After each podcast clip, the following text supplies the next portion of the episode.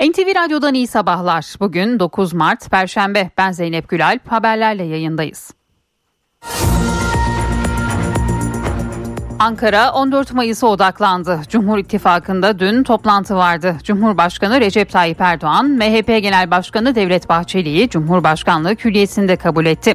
Görüşme 1 saat 15 dakika sürdü. İki lider arasında son dönemin en uzun görüşmesi sonrasında herhangi bir açıklama yapılmadı. Edinilen bilgiye göre görüşmede ittifakın seçim sürecindeki yol haritası masaya yatırıldı. Seçim kampanyası adaylık süreçleri konusunda ittifak ortakları görüş alışverişinde bulundu. Erdoğan Bahçeli görüşmesinde deprem bölgesinde yapılacak faaliyetlerin de ele alındığı belirtiliyor. Millet İttifakı'nın Cumhurbaşkanı adayı olan CHP Genel Başkanı Kemal Kılıçdaroğlu'nun seçim kampanyası hazırlıklarına başlandı. Kampanya döneminde 81 ile gidilecek. Seçim bölgesine göre gezilere Millet İttifakı'nı oluşturan partilerin genel başkanları da katılacak. Kılıçdaroğlu aday sıfatıyla ilk olarak deprem bölgesini ziyaret edecek. Seçim gezileri dışında HDP'nin yanı sıra parlamentoda bulunmayan partilerin genel başkanları ve çeşitli sivil toplum kuruluşlarını da ziyaret edecek. İyi Parti Genel Başkanı Meral Akşener'in CHP HDP ile görüşebilir bu net ama bize asla getiremez sözleri üzerine cezaevinde bulunan eski HDP eş başkanı Selahattin Demirtaş Akşener'e bir mektup yazdı. Demirtaş toplumun büyük bölümü birleşe birleşe kazanacağız sloganlarıyla umudu büyütmeye çalışırken sizin HDP'ye dönük yaklaşımınızın bu amaca uygun olmadığını düşünüyorum dedi. Özgür ve refah içinde yaşayan Türkiye'nin var edilmesi gerektiğini belirten Demirtaş sizlerin de bu çabaya katkı sunacağınıza inanıyorum ifadesini kullandı. 8 Mart Dünya Kadınlar Günü için İstanbul Taksim'de basın açıklaması yapmak isteyen kadınlara polis müsaade etmedi. Cihangir Mahallesi'nde bir araya gelen kadınlara polis müdahale etti. Eylemde gözaltılar var. Dışişleri Bakanlığı Avrupa Parlamentosu binasında terör örgütü PKK destekçileri tarafından Türkiye karşıtı etkinlik gerçekleştirilmesini kınadı. Bakanlıktan yapılan açıklamada Avrupa Birliği'nin terör örgütleri listesinde yer alan ve ülke bütünlüğümüzü hedef alan bir terör örgütünün propagandasına hizmet eden bu tür faaliyete imkan sağlanması kabul edilemez denildi. Mecliste görüşülen borç yapılandırma yasasına önergeyle yeni maddeler eklendi. Afetzedeler ve yeniden imar çalışmalarının finansmanı için şirketlere vergi getirildi. Kurumlar vergisi mükelleflerine sağlanan vergi teşviklerinden bir kereye mahsus %10 kesinti yapılacak. Düzenlemeden 22 bin kurumlar vergisi mükellefi etkilenecek. Deprem bölgesindeki şirketler ek vergiden muaf olacak. Çevre Şehircilik ve İklim Değişikliği Bakanı Murat Kurum kentsel dönüşümde kira yardımının artırıldığını açıkladı. İstanbul'da 1500 lira olan kentsel dönüşüm kira yardımı 3500 liraya, Ankara, Bursa, Antalya ve İzmir'de ise 3000 liraya çıkarıldı. SGK'dan EYT'li memur ve esnafla ilgili açıklama geldi. SGK işe başlama tarihi 8 Eylül 99 öncesi olan ancak 23 Mayıs 2002 öncesinde 3 yıl hizmeti bulunmayan memur ve bağkurluların EYT kapsamında olmadığı iddiasını yalanladı.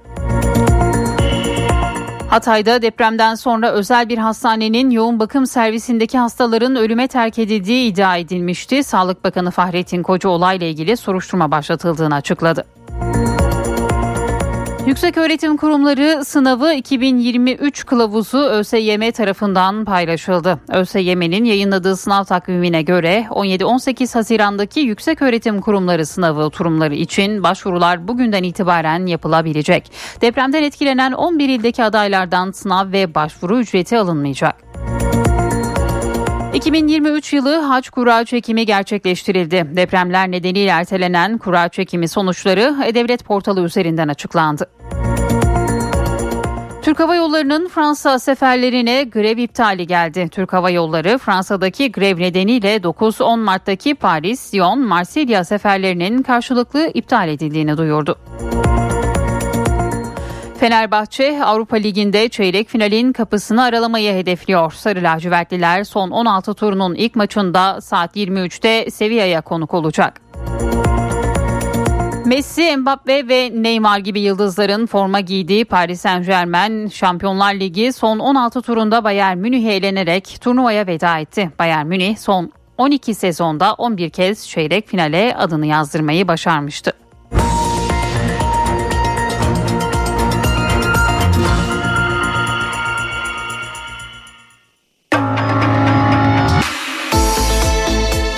İşe giderken gazetelerin gündemi.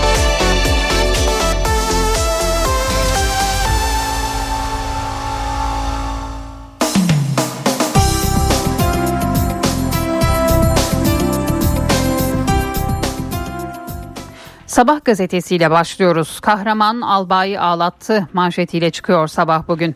Yıllarca terörle mücadele etti. Emekli olacaktı ama asrın felaketi yaşanınca gönüllü olarak bölgeye koştu. Yardım helikopterinin pervanesi çarpınca şehit düştü, yürekleri yaktı. Pilot kıdemli albayı Oğuzhan Adalıoğlu Kahramanmaraş Dulkadiroğulları ilçesinde görevliydi. Evli ve iki çocuk babası Albay Adalıoğlu kalkışa hazırlanan helikopteri yönlendirirken pervanenin çarpmasıyla şehit düştü düştü. Jandarma Genel Komutanı Orgeneral Arif Çetin Kahramanmaraş'taki törende Adalıoğlu'nun 28 yıllık meslek yaşamında büyük fedakarlıklar yaptığını belirterek kahraman arkadaşımızın emekliliğini dondurarak burada gönüllü görev yaptı dedi. Bir diğer başlık Cumhur İttifakı seçimi görüştü. Cumhurbaşkanı Erdoğan, MHP lideri Bahçeli ile seçimi ve ulusal risk kalkanı projesini ele aldı. Külliyedeki kabulde asrın felaketi olarak adlandırılan 6 Şubat depreminden sonra bölgenin ayağa kaldırılması için ulusal risk kalkanı projesi ve yaklaşan seçimler ele alındı. Ayrıca iç ve dış siyasete ilişkin güncel konular da masaya yatırıldı diyor Sabah gazetesi bugün. AFAD'ın cesur yürekleri yine sabahın ilk sayfasında basından bir diğer başlık 6 kadın arama kurtarma görevlisi deprem bölgesinde onlarca kişiyi kurtardı. Erzurum'dan 80 kişilik ekiple Hatay'a giden AFAD'cı Esra, Esmegül, Dilan ve Elif ilk görevlerinde cesurca enkaz altına girip çok sayıda canı kurtardı. 4 aylık hamile Esra Dübüş bana gitme dediler ama geri adım atmadım diye konuştu. Bir diğer haber bu ceza acımızı dindirmedi. Antalya'da Yağız Balcı ve kız arkadaşı Ada Kayahan'ın skuterına aşırı hızla çarpan sürücü Can Gülmez'e 8 yıl hapis cezası verilmesine aileler isyan etti. Bizim ışıklarımız söndü hiçbir ceza acımızı dindirmez deniliyor. Yine bu haberde bugün Sabah gazetesinin ilk sayfasında yer buluyor. Hürriyetle devam ediyoruz. Risk var dedi, dayak yedi başlıklı haberi görüyoruz. Hürriyet beton kalitesi ve inşaatlardaki pasif mühendis sorununu gündeme getirmişti. Bir inşaatta denetim yapan mühendis betona su katan işçileri uyarınca saldırıya uğradı. Bu yaşadığımız sorunun ne kadar ciddi olduğunu bir kez daha gösterdi. Uşak'taki olayda kontrol mühendisi YY ve stajyer AA inşaatta beton dökümü sırasında mikserden numune aldı. Ancak numune aldıktan sonra işçiler iki miksere su su katmaya başladı. Oysa bu yasaktı ve binanın güvenliği için büyük risk oluşturuyordu. İşçiler kendilerini uyaran mühendis ve stajyeri tekme tokat dövdü. Su katılmasının mukavemeti düşürdüğüne dikkat çeken İnşaat Mühendisleri Odası Uşak Başkanı Ümit Alp Beton kalitesinden ödün vermeyen insanlarımız hayatlarını kaybetmesin diye mücadele eden mühendis ve stajyer feci şekilde darp edildi. Şantiye şefi başında bulunmayan inşaatta denetleme yapılmayacak diye konuştu diyor. Bugün yine bu başlıkta Hürriyet gazetesinin ilk sayfasında yer buluyor. Üç gündemde buluştular. Cumhurbaşkanı Erdoğan ve MHP lideri Bahçeli Beştepe'de bir araya geldi. İki lider ağırlıklı olarak üç konu üzerinde durdu. Edinilen bilgilere göre görüşmede bazı bölgelerde iki partinin ortak milletvekili listesiyle seçime gidip gidemeyeceği masaya yatırıldı. Erdoğan ve Bahçeli başörtüsü ve aileyle ilgili düzenlemeler içeren anayasa değişikliği teklifini de ele aldı. Deprem bölgesinde yürütülen çalışmalar ve son durumu da değerlendirdiler diyor Hürriyet gazetesi. İki ayda çadırdan Konteynere geçilecek bir diğer başlık. Çevre Şehircilik ve İklim Değişikliği Bakanı Murat Kurum, CNN Türk'te Hürriyet Gazetesi Genel Yayın Yönetmeni Ahmet Hakan'ın tarafsız bölge programına katıldı. Çadırdan sonraki adımın geçici konteyner kentler olduğunu belirten kurum, yağma malzemeden yığma malzemeden, çelikten, prefabrikten yapıyoruz. Tüm depremzedeleri iki ay içinde bu alanlara taşıyacağız dedi.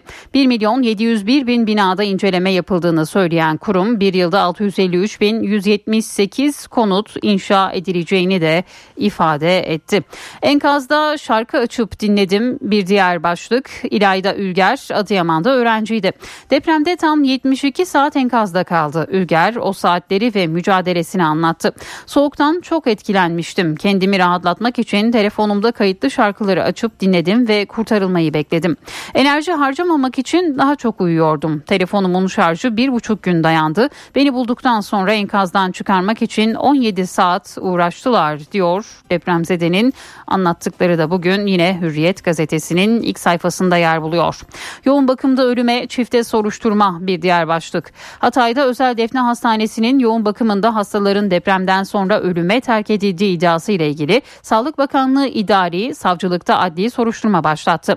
Depremde yıkılmayan fakat en üst kattaki yoğun bakım hastalarına ancak 3. günde ulaşılabilen hastanenin müteahhiti de ayrıca e, soruşturuluyor. Yoğun bakıma girildiğinde 9 hasta ölü bulunmuştu. Bu başlıkta yine Hürriyet gazetesinin ilk sayfasında yer buldu.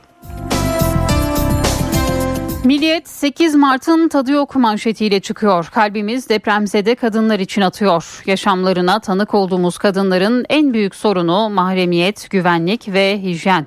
Deprem bölgesine her giden diyor ya anlatamayacağım kadar büyük bir acı, büyük bir yıkım. Milliyet olarak biz de ilk günden beri deprem bölgesindeyiz. Bu kez Birleşmiş Milletler Kadın Birimi ile birlikte bulunduğumuz Gaziantep, İslahiye'de depremzede kadın ve kız çocuklarının sorunlarını yerinde tespit ettik.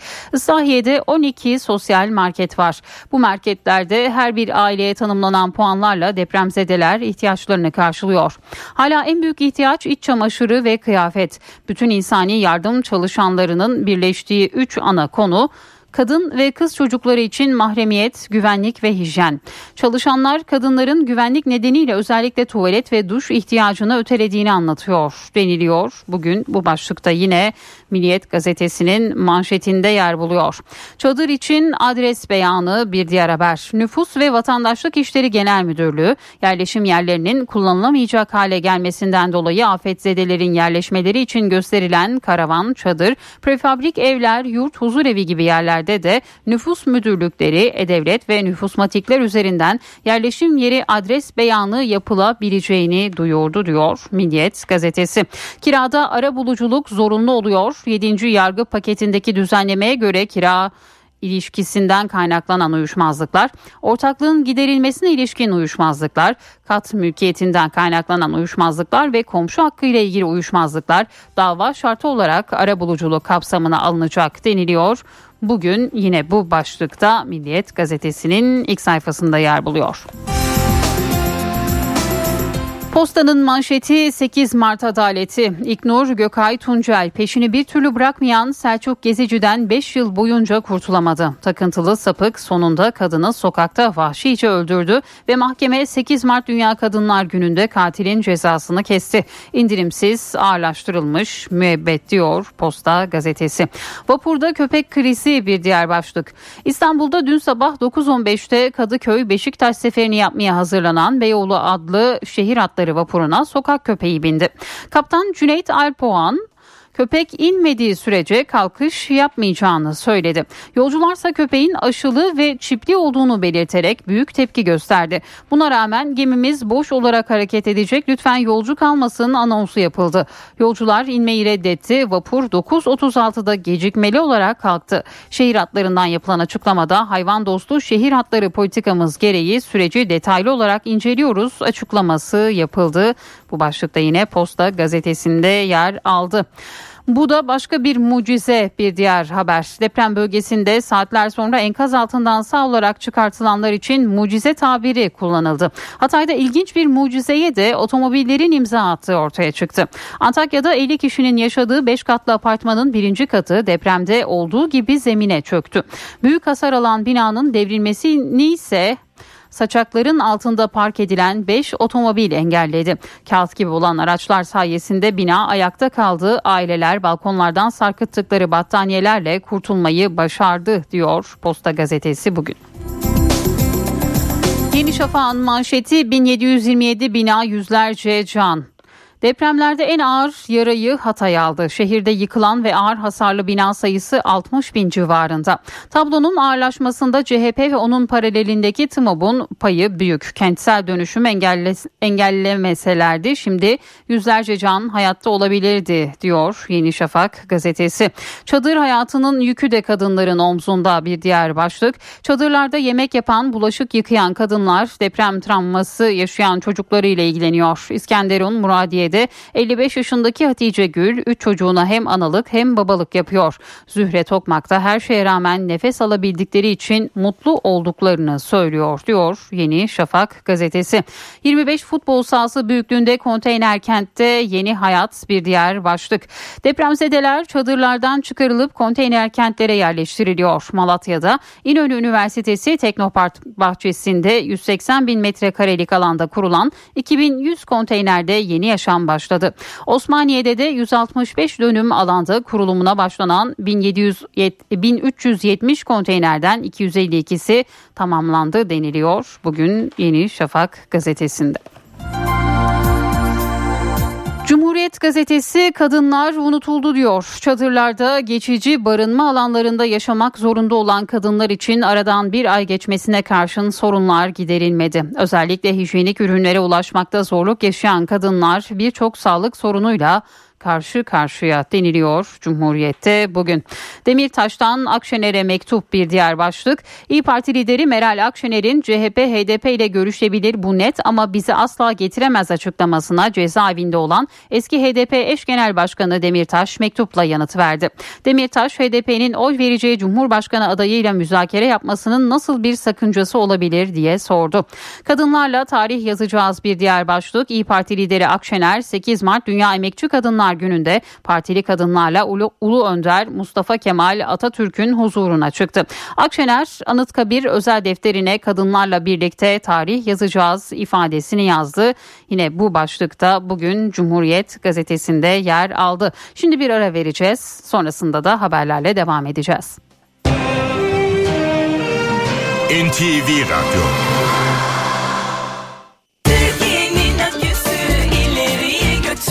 Yiğit Akü yol durumunu sunar. Karayolları Genel Müdürlüğü duyurdu. Kızılcı Hamam Ankara yolunun 39-41. kilometrelerinde ve Adapazarı Karasu yolunun 40-42. kilometrelerinde yol bakım çalışmaları var. Çalışmalar sebebiyle ulaşım kontrollü olarak sağlanıyor. Bu nedenle sürücüler dikkatli seyretmeli. Yiğit Akü yol durumunu sundu.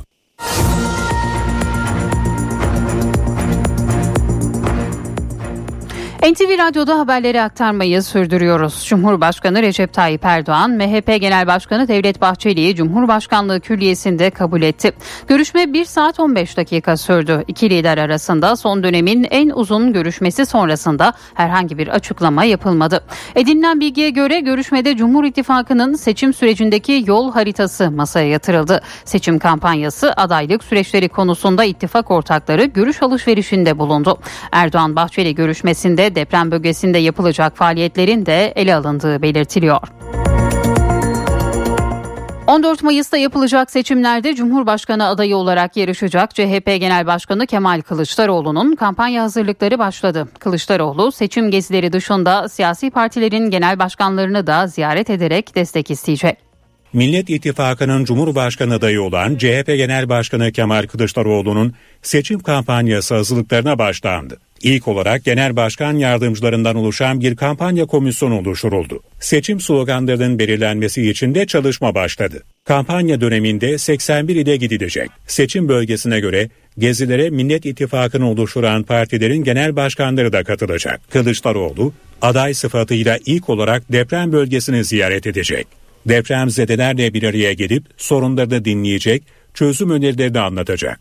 Kılıçdaroğlu seçim gezileri dışında HDP'nin yanı sıra parlamentoda bulunmayan partilerin genel başkanları ve çeşitli sivil toplum kuruluşlarını da ziyaret edecek. AK Parti ve MHP ile görüşme olmayacak. Daha seçilmedi adaylığı bile dünyanın Türkiye'ye bakışını değiştirdi ya. Türkiye'nin bu CDS risk primi 40 puan düştü. Seçim takviminin belirlenmesinin ardından Kılıçdaroğlu Millet İttifakı'nda yer alan 5 genel başkanın katılımıyla yol haritasını açıklayacak. Ankara Spor Salonu'nda yapılması beklenen tanıtım toplantısı için 12 ve 19 Mart tarihleri öne çıkıyor.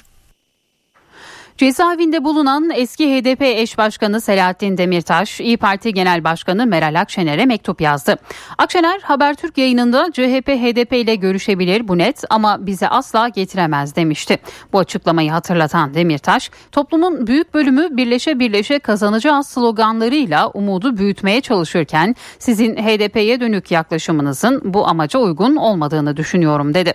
Özgür ve refah içinde yaşayan Türkiye'nin var edilmesi gerektiğini belirten Demirtaş, Demirtaş sizlerin de bu çabaya katkı sunacağınıza inanıyorum ifadesini kullandı.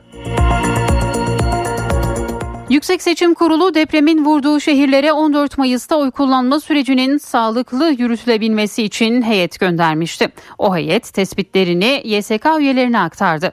30 kişilik YSK heyetinin aktardığı o tespit ve öneriler çıkarılacak genelgelerin içine yerleştirilecek. Belirlenen sorunlar saha çalışmalarıyla çözüme kavuşturulacak.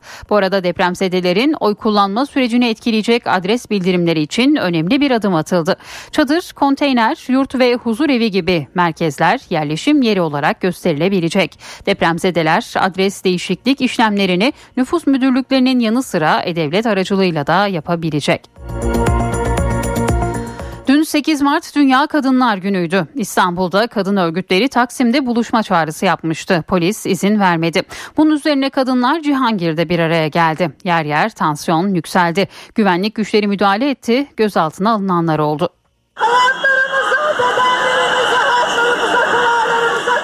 Tek tek kimlik kontrolü yaptılar. Eylem için Taksim'e girmek isteyenlere müsaade etmediler.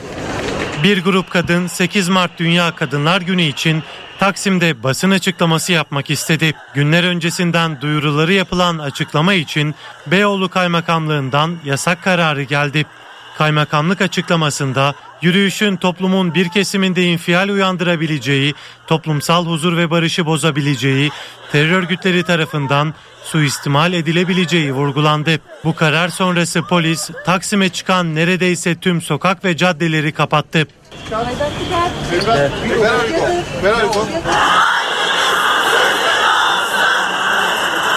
Taksim Meydanı'na çıkmak isteyen yüzlerce eylemci Cihangir Caddesi'nde durduruldu.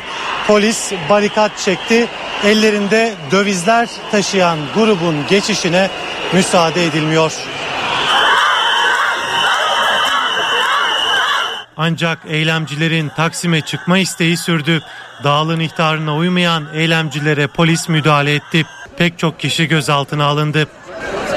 Grup bir süre sonra olay yerinden dağıldı. Gece yarısından sonra polis ekipleri Taksim'e açılan sokaklardaki barikatları kaldırdı. Kadınlar gününde kadınların yaşam hakkı yine ellerinden alındı. İstanbul Üsküdar'da 28 yaşındaki genç kadın erkek arkadaşı tarafından öldürüldü. Pendik'te ise bir kadın eşi tarafından katledildi. Batman ve Malatya'da da iki kadını acı son bekliyordu. Dakikalarca bekledi, takıntılı oldu, eski sevgilisini görünce harekete geçti. Önce genç kadını öldürdü, ardından aynı silahla intihar etti. Korkunç cinayetin adresi İstanbul, Üsküdar. 28 yaşındaki genç kadın Üsküdar'da işte bu sitede annesiyle birlikte yaşıyordu. İddiaya göre bir süre önce ayrıldığı erkek arkadaşı onun peşini bırakmadı, sürekli tehdit etmeye başladı. Tehditlerine devam eden 28 yaşındaki genç adam İzmir'den İstanbul'a geldi ve kanlı pusuyu kurdu. Yüzünü kamufle eden eski erkek arkadaş sitenin önünde beklemeye başladı. Eski kız arkadaşı geldiğinde onun peşinden siteye girdi. Uygun anı kolladı. Genç kadın dairesine tam gireceği esnada o kişi silahını çıkardı ve tetiğe bastı. Miray Atmaca başına isabet eden kurşunla vurularak hayatını kaybetti. Göz dönmüş adam aynı silahla intihar etti.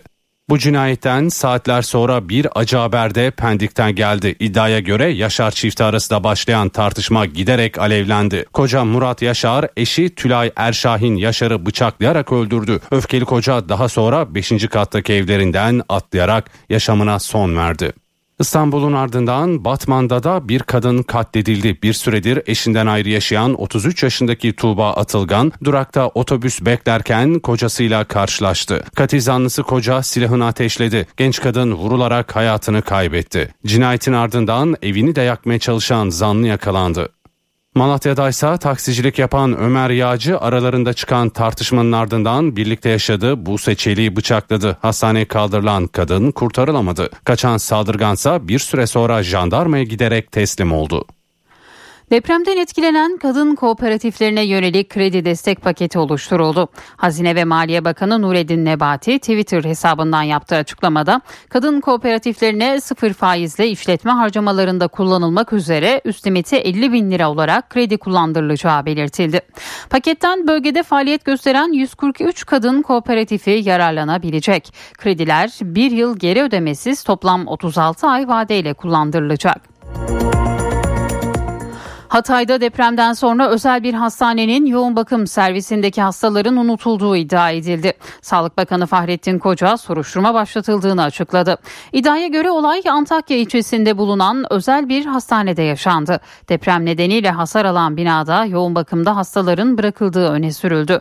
Bazı hastaların müdahale edilmediği için hayatını kaybettiği iddia edildi. Sağlık Bakanı Fahrettin Koca konuyla ilgili soruşturma başlatıldığını bildirdi. Eskişehir'de dün şehit cenazesi vardı. Kahramanmaraş'ta helikopteri kalkış için yönlendirdiği esnada pervanenin çarpması sonucu şehit olan pilot kıdemli albay Oğuzhan Adalıoğlu gözyaşlarıyla defnedildi. İki çocuk babası şehidin emeklilik dilekçesini dondurup deprem sonrası afetzedeler için bölgeye gittiği öğrenildi.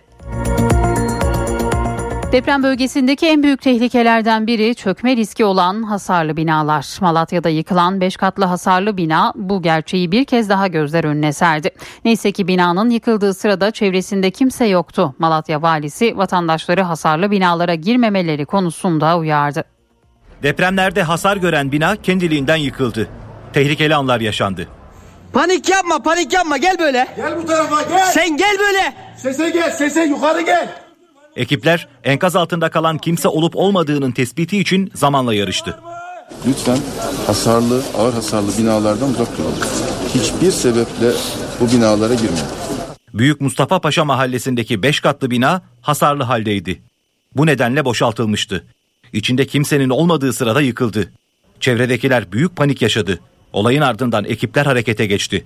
Tabii emniyet güçlerimiz burada çevre güvenliği aldığı için zaten binanın etrafında kimse yoktu ama bütün ihtimalleri değerlendirmek zorundaydık. O nedenle beraber, e, AFAD'la beraber diğer arama kurtarma birlikleriyle beraber bizler de Malatya Büyükşehir İtfaiyesi olarak arama kurtarma çalışmalarını başlattık. Isı ve sesle yapılan arama ve görgü tanıklarıyla yapılan görüşme sonucunda enkazda kimsenin bulunmadığı tespit edildi.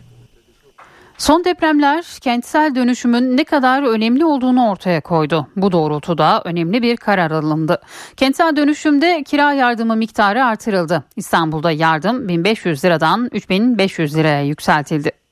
Bakanlığımızın e, e, yapmış olduğu kentsel dönüşüm projelerindeki kira yardım miktarını aylık 3500 liraya çıkarıyoruz. E, büyük illerimiz Ankara'mız, Bursa'mız, Antalya'mız, İzmir'imizde 3000 liraya çıkarıyoruz. Çevre, Şehircilik ve İklim Değişikliği Bakanı Murat Kurum, kentsel dönüşüm projelerindeki kira yardımı miktarının arttırıldığını açıkladı.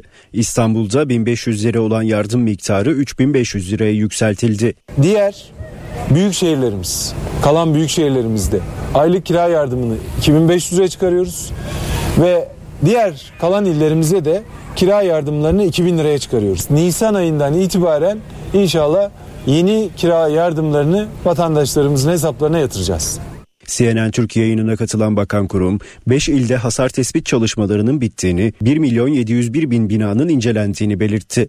Bakın 277 bin 971 binamız ve bunun karşılığı 817 bin 748 bağımsız bölüm.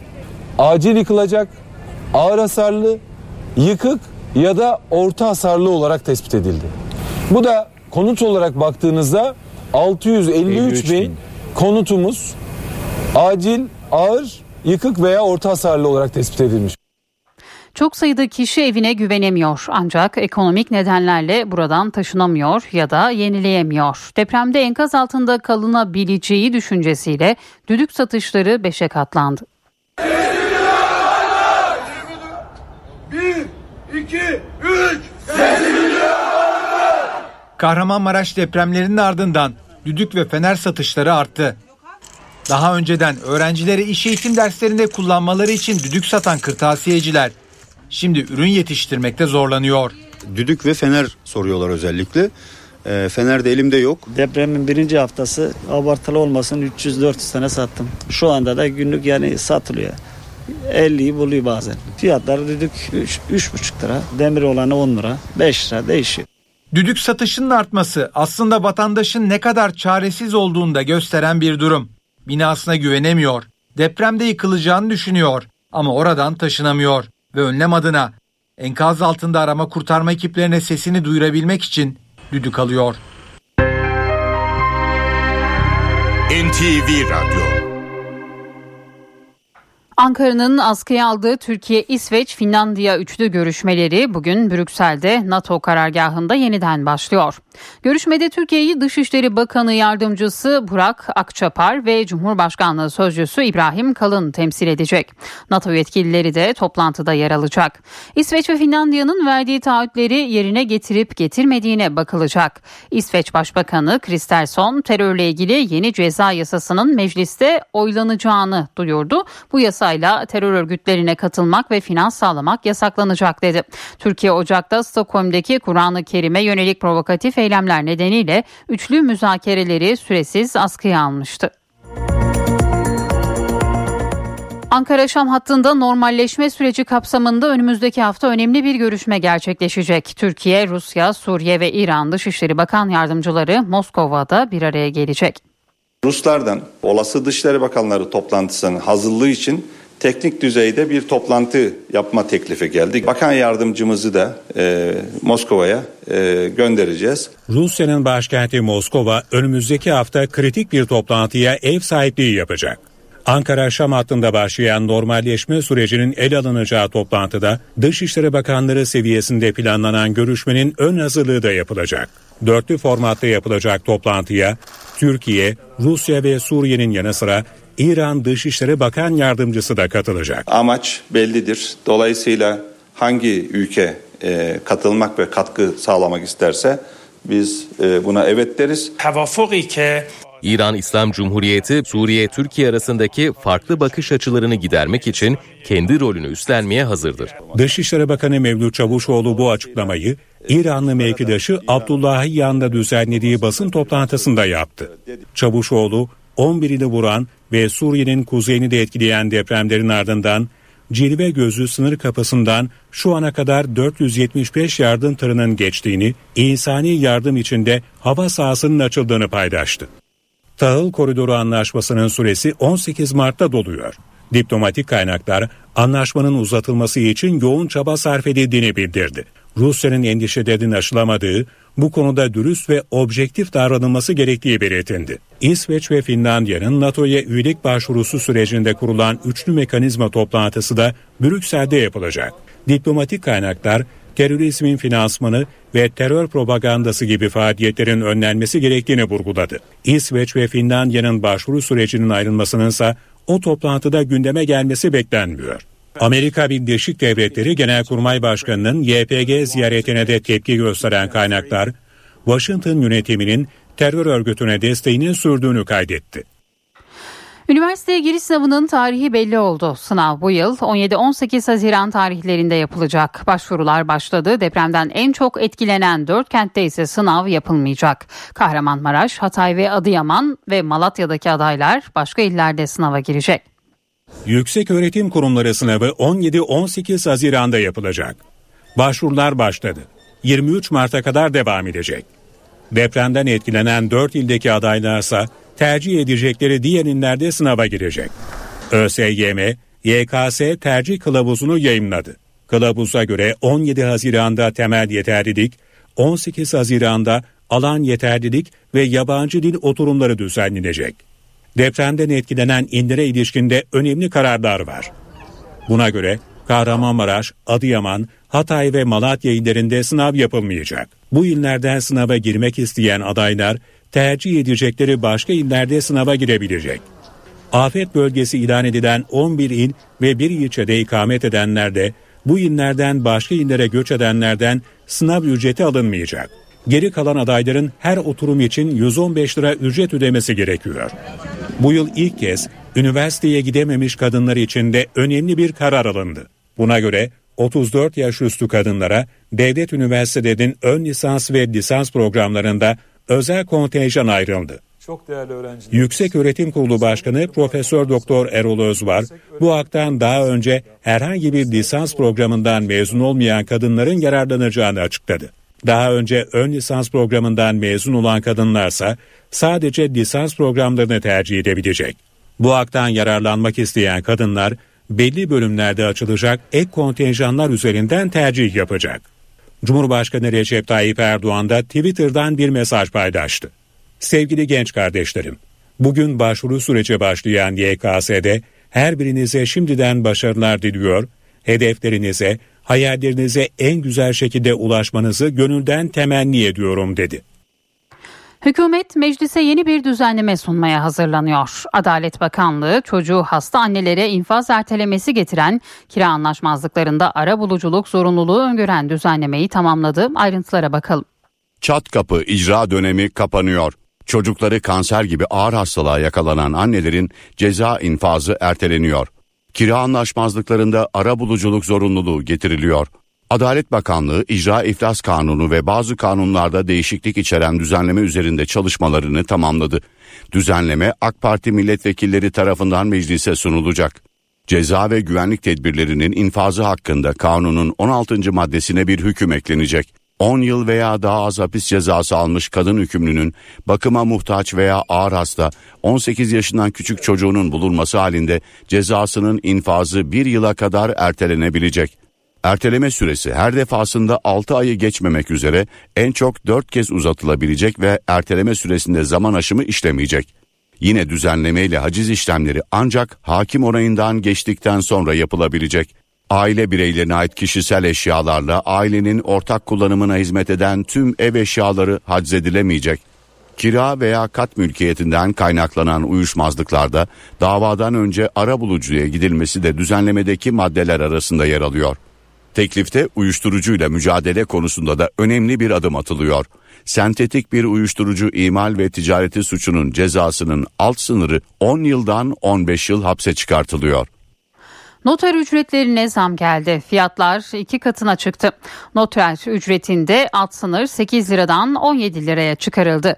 Vasiyetname düzenlemesi ücreti 391 liradan 783 liraya yükseltildi. Hazırlanan her bir sayfadan alınan yazı ücreti ise 11 liradan 23 liraya çıktı.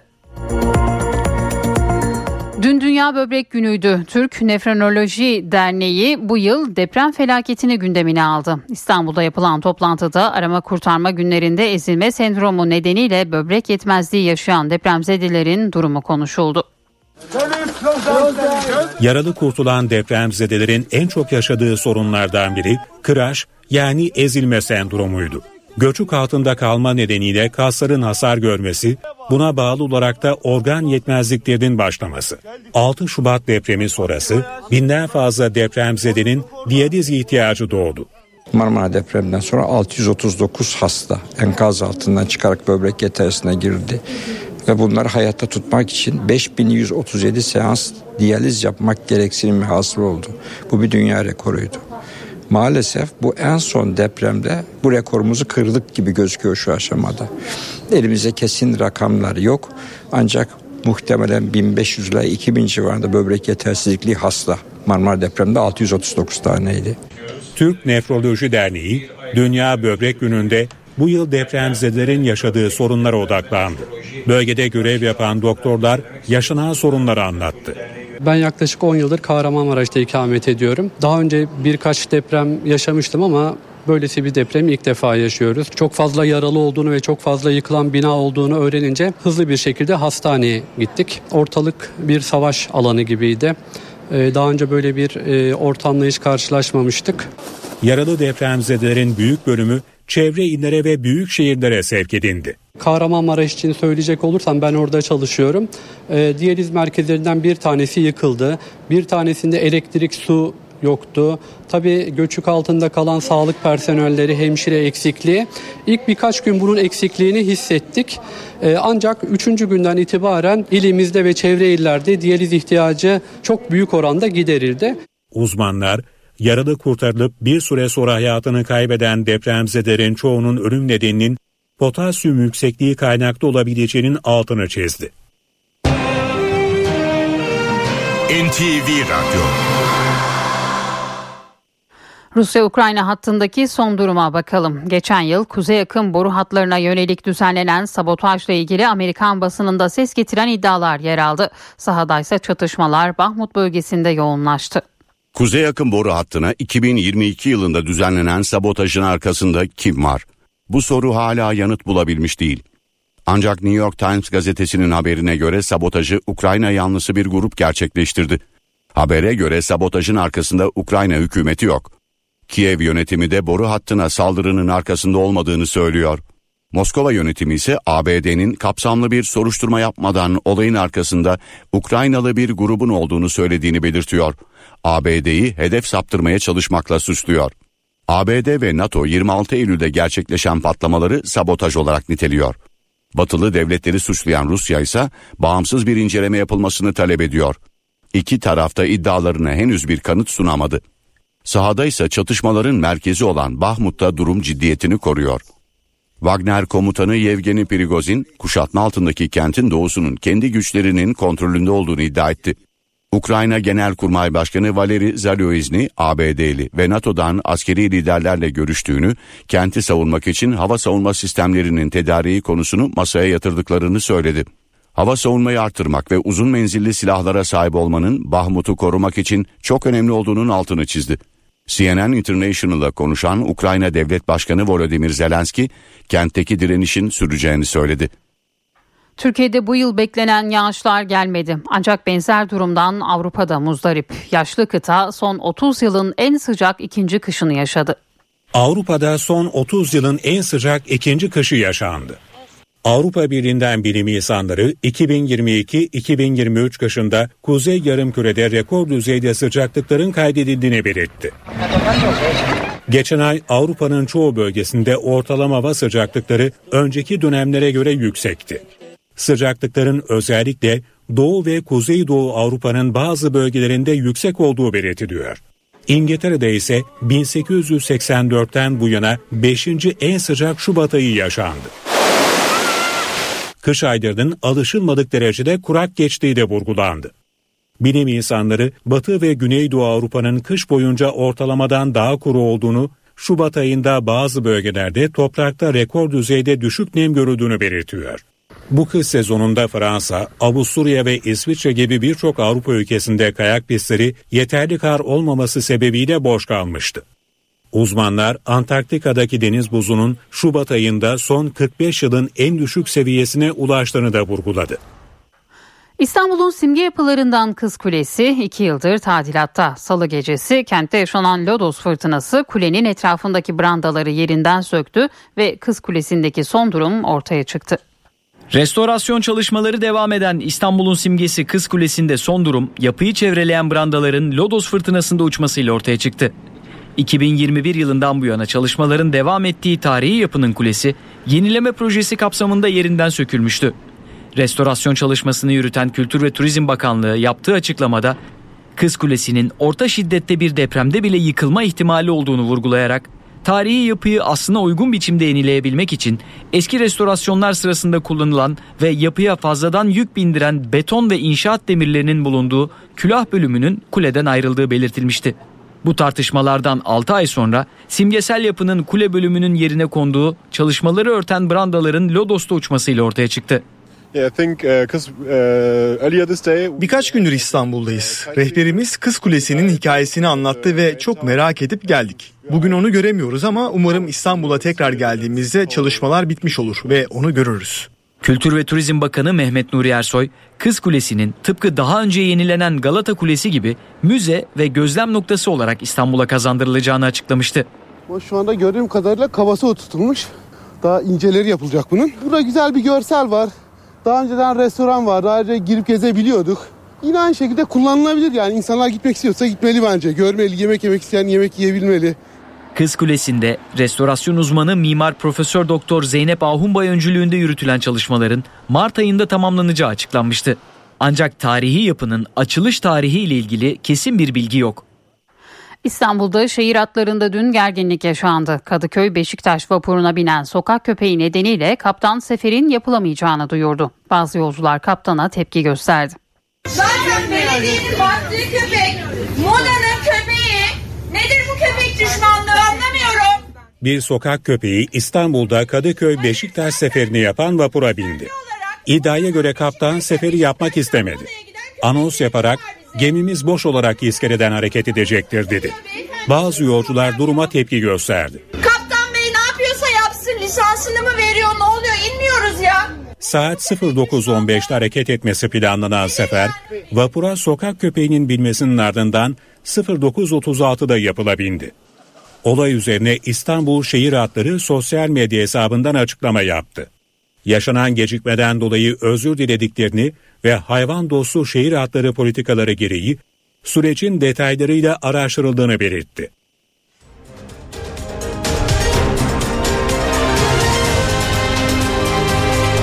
NTV Radyo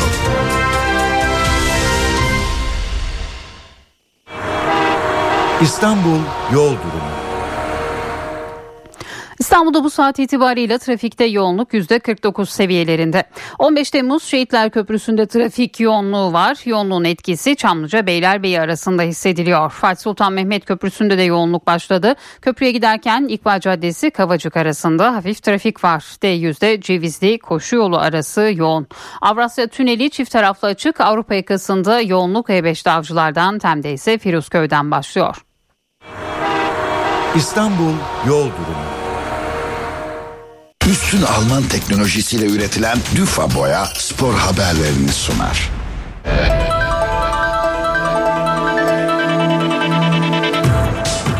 Fenerbahçe Avrupa Ligi'nde çeyrek finalin kapısını aralamayı hedefliyor. Sarı lacivertler son 16 turunun ilk maçında bugün Sevilla'ya konuk olacak.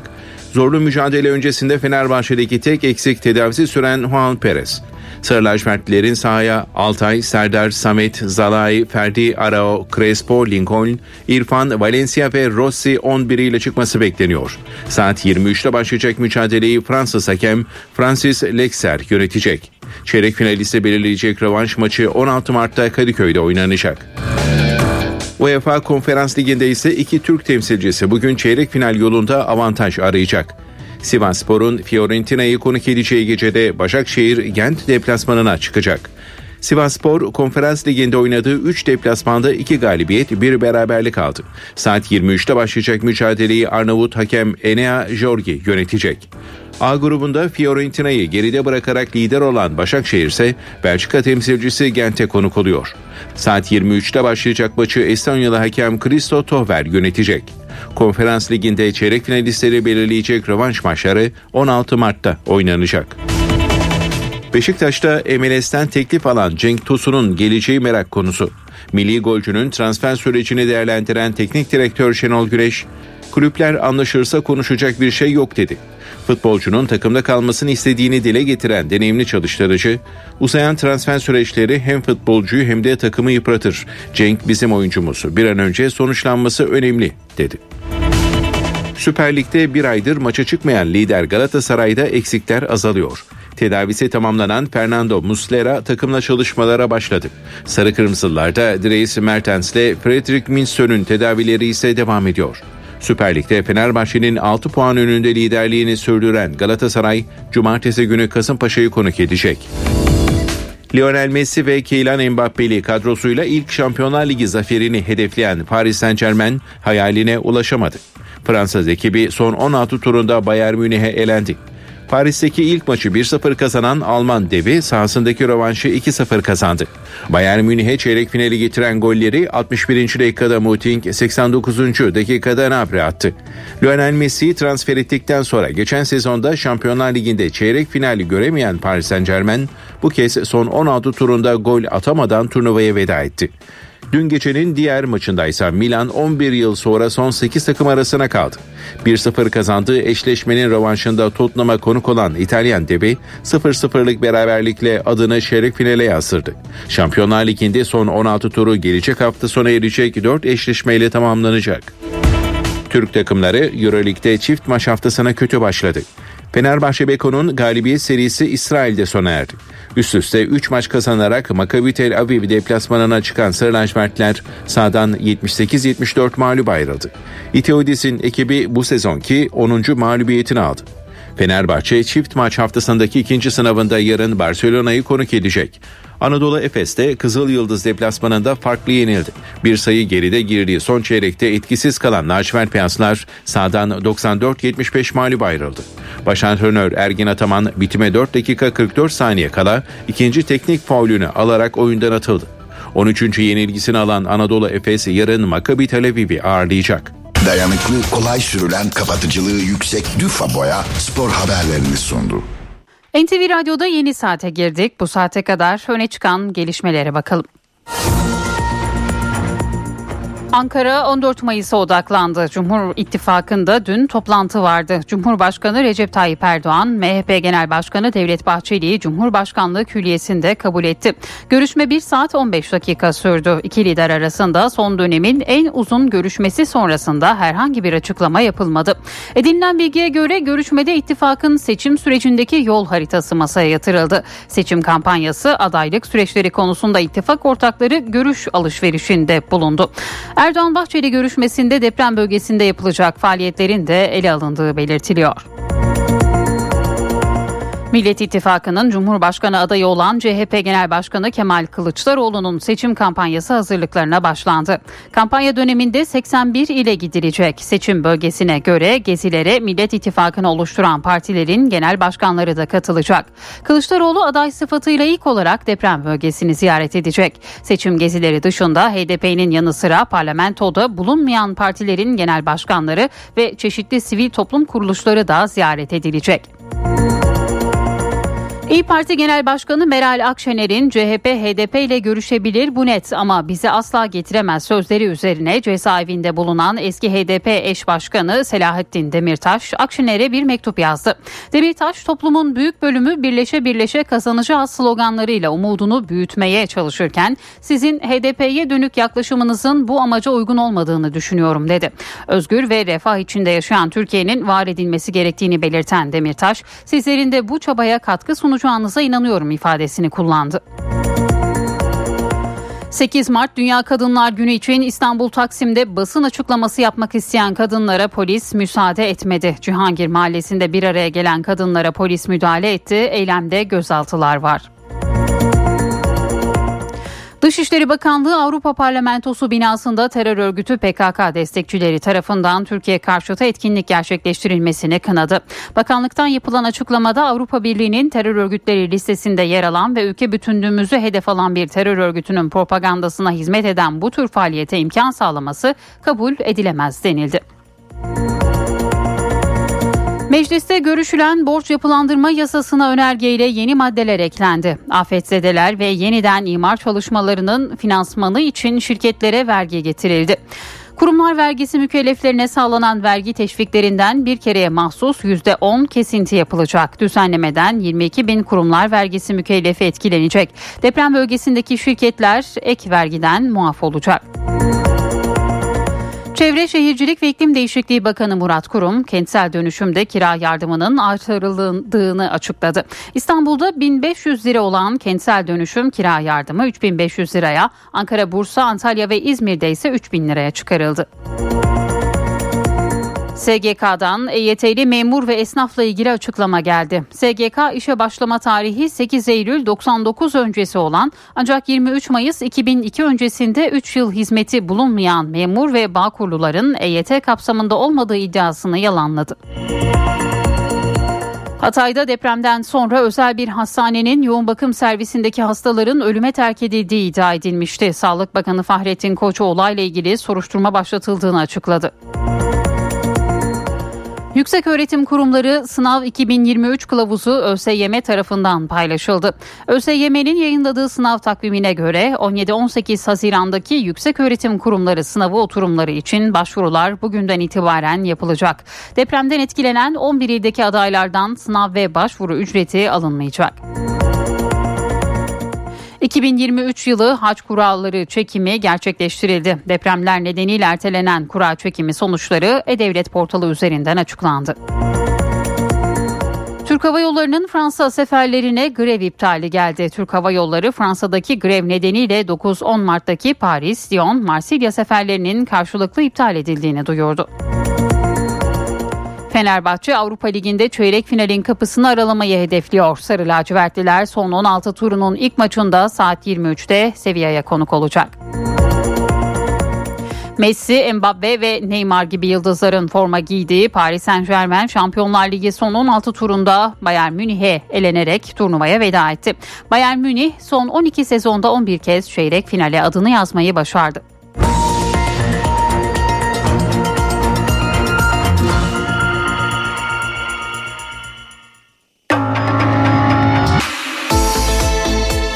İşe giderken gazetelerin gündemi.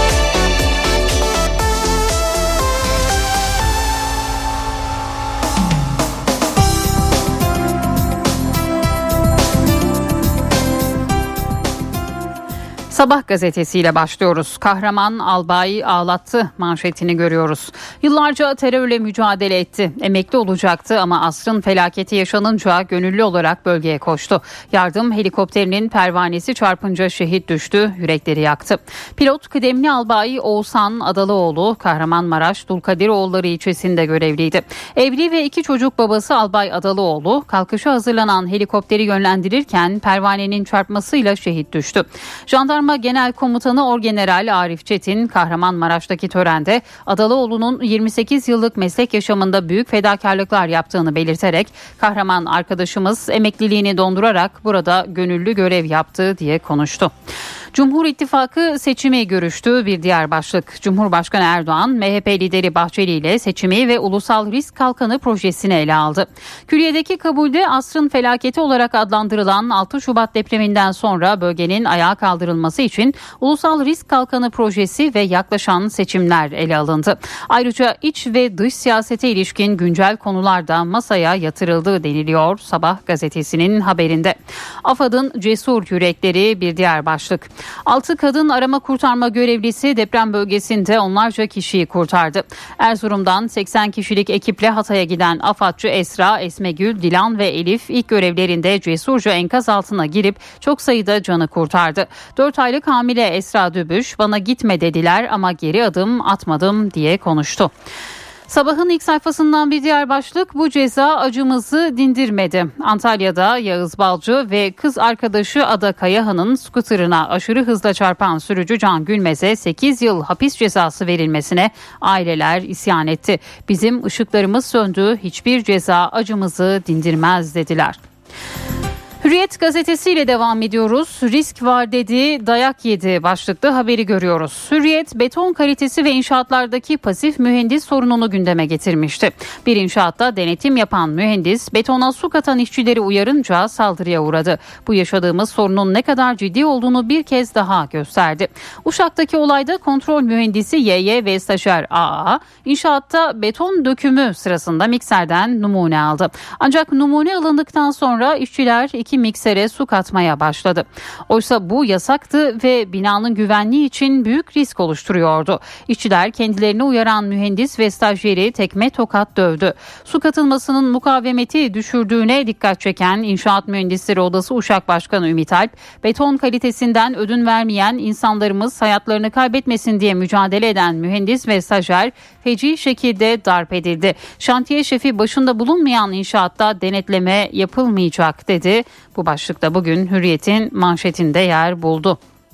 Bir diğer haber 3 gündemle buluştular. Cumhurbaşkanı Erdoğan'la MHP lideri Bahçeli Beştepe'de bir araya geldi. İki lider ağırlıklı olarak 3 konu üzerinde durdu. Edinilen bilgilere göre görüşmede bazı bölgelerde iki partinin ortak milletvekili listesiyle seçime gidip gidemeyeceği masaya yatırıldı. Erdoğan ve Bahçeli başörtüsü ve aileyle ilgili düzenlemeler içeren anayasa değişikliği teklifini de ele aldı. Deprem bölgesinde yürütülen çalışmalar ve son durumu da değerlendirdiler diyor Hürriyet gazetesi.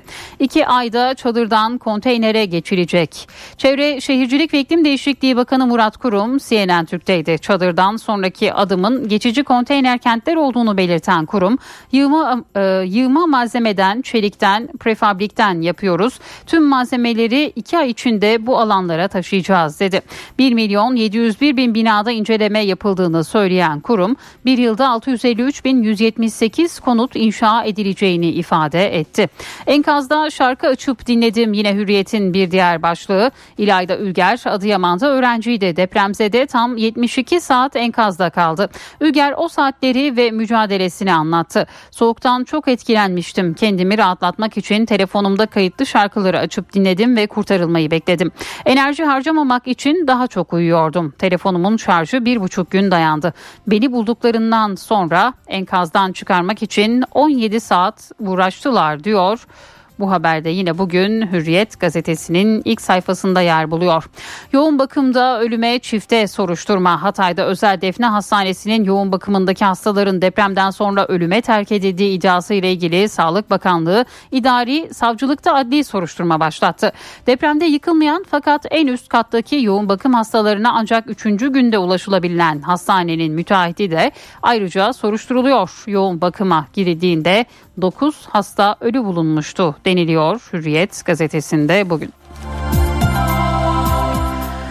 Milliyetin manşeti 8 Mart'ın tadı yok. Kalbimiz depremzede kadınlar için atıyor. Yaşamlarına tanık olduğumuz kadınların en büyük sorunu mahremiyet, güvenlik ve hijyen. Deprem bölgesine her giden diyor ya anlatamayacağım kadar büyük bir acı, büyük bir yıkım. Milliyet olarak biz de ilk günden beri deprem bölgesindeyiz. Bu kez Birleşmiş Milletler Kadın Birimi ile birlikte bulunduğumuz Gaziantep Islahiye'de depremzede kadın ve kız çocuklarının sorunlarını yerinde tespit ettik. Islahiye'de 12 sosyal market var. Bu marketlerde her bir aileye tanımlanan puanlarla depremzedeler ihtiyaçlarını karşılıyor. Hala en büyük ihtiyaç iç çamaşırı ve kıyafet. Bütün insani yardım çalışanlarının birleştiği 3 ana konu kadın ve kız çocukları için mahremiyet, güvenlik ve hijyen. Çalışanlar kadınların güvenlik nedeniyle özellikle tuvalet ve duş ihtiyacını ötelediğini anlatıyor deniliyor. Bugün bu haberde Milliyet'in manşetinde yer buluyor. Çadır için adres beyanı Nüfus ve Vatandaşlık İşleri Genel Müdürlüğü yerleşim yerlerinin kullanılamayacak hale gelmesinden dolayı afetzedelerin yerleşmeleri için gösterilen karavan, çadır, prefabrik evler, yurt, huzur evi gibi yerlere de nüfus müdürlükleri, e-devlet ve nüfusmatikler üzerinden yerleşim yeri adres beyanı yapılabileceğini duyurdu diyor. Milliyet gazetesi bugün. Bir diğer haber kirada ara buluculuk zorunlu oluyor. 7. yargı paketindeki düzenlemeye göre kira ilişkisinden kaynaklanan uyuşmazlıklar, ortaklığın giderilmesine ilişkin uyuşmazlıklar, kat mülkiyetinden kaynaklanan uyuşmazlıklar ve komşu hakkı ile ilgili uyuşmazlıklar dava şartı olarak ara buluculuk kapsamına alınacak deniliyor. Bu haberde bugün yine Milliyet gazetesinde yer alıyor. Yeni Şafak gazetesi 1727 bina yüzlerce can manşetiyle çıkıyor bugün. Depremlerde en ağır yarayı Hatay aldı. Şehirde yıkılan ve ağır hasarlı bina sayısı 60 bin civarında. Tablonun ağırlaşmasında CHP ve onun paralelindeki TMOB'un payı büyük. Kentsel dönüşümü engellemeselerdi şimdi yüzlerce can hayatta olabilirdi diyor Yeni Şafak gazetesi bugün. Bir diğer haber çadır hayatının yükü de kadınların omzunda.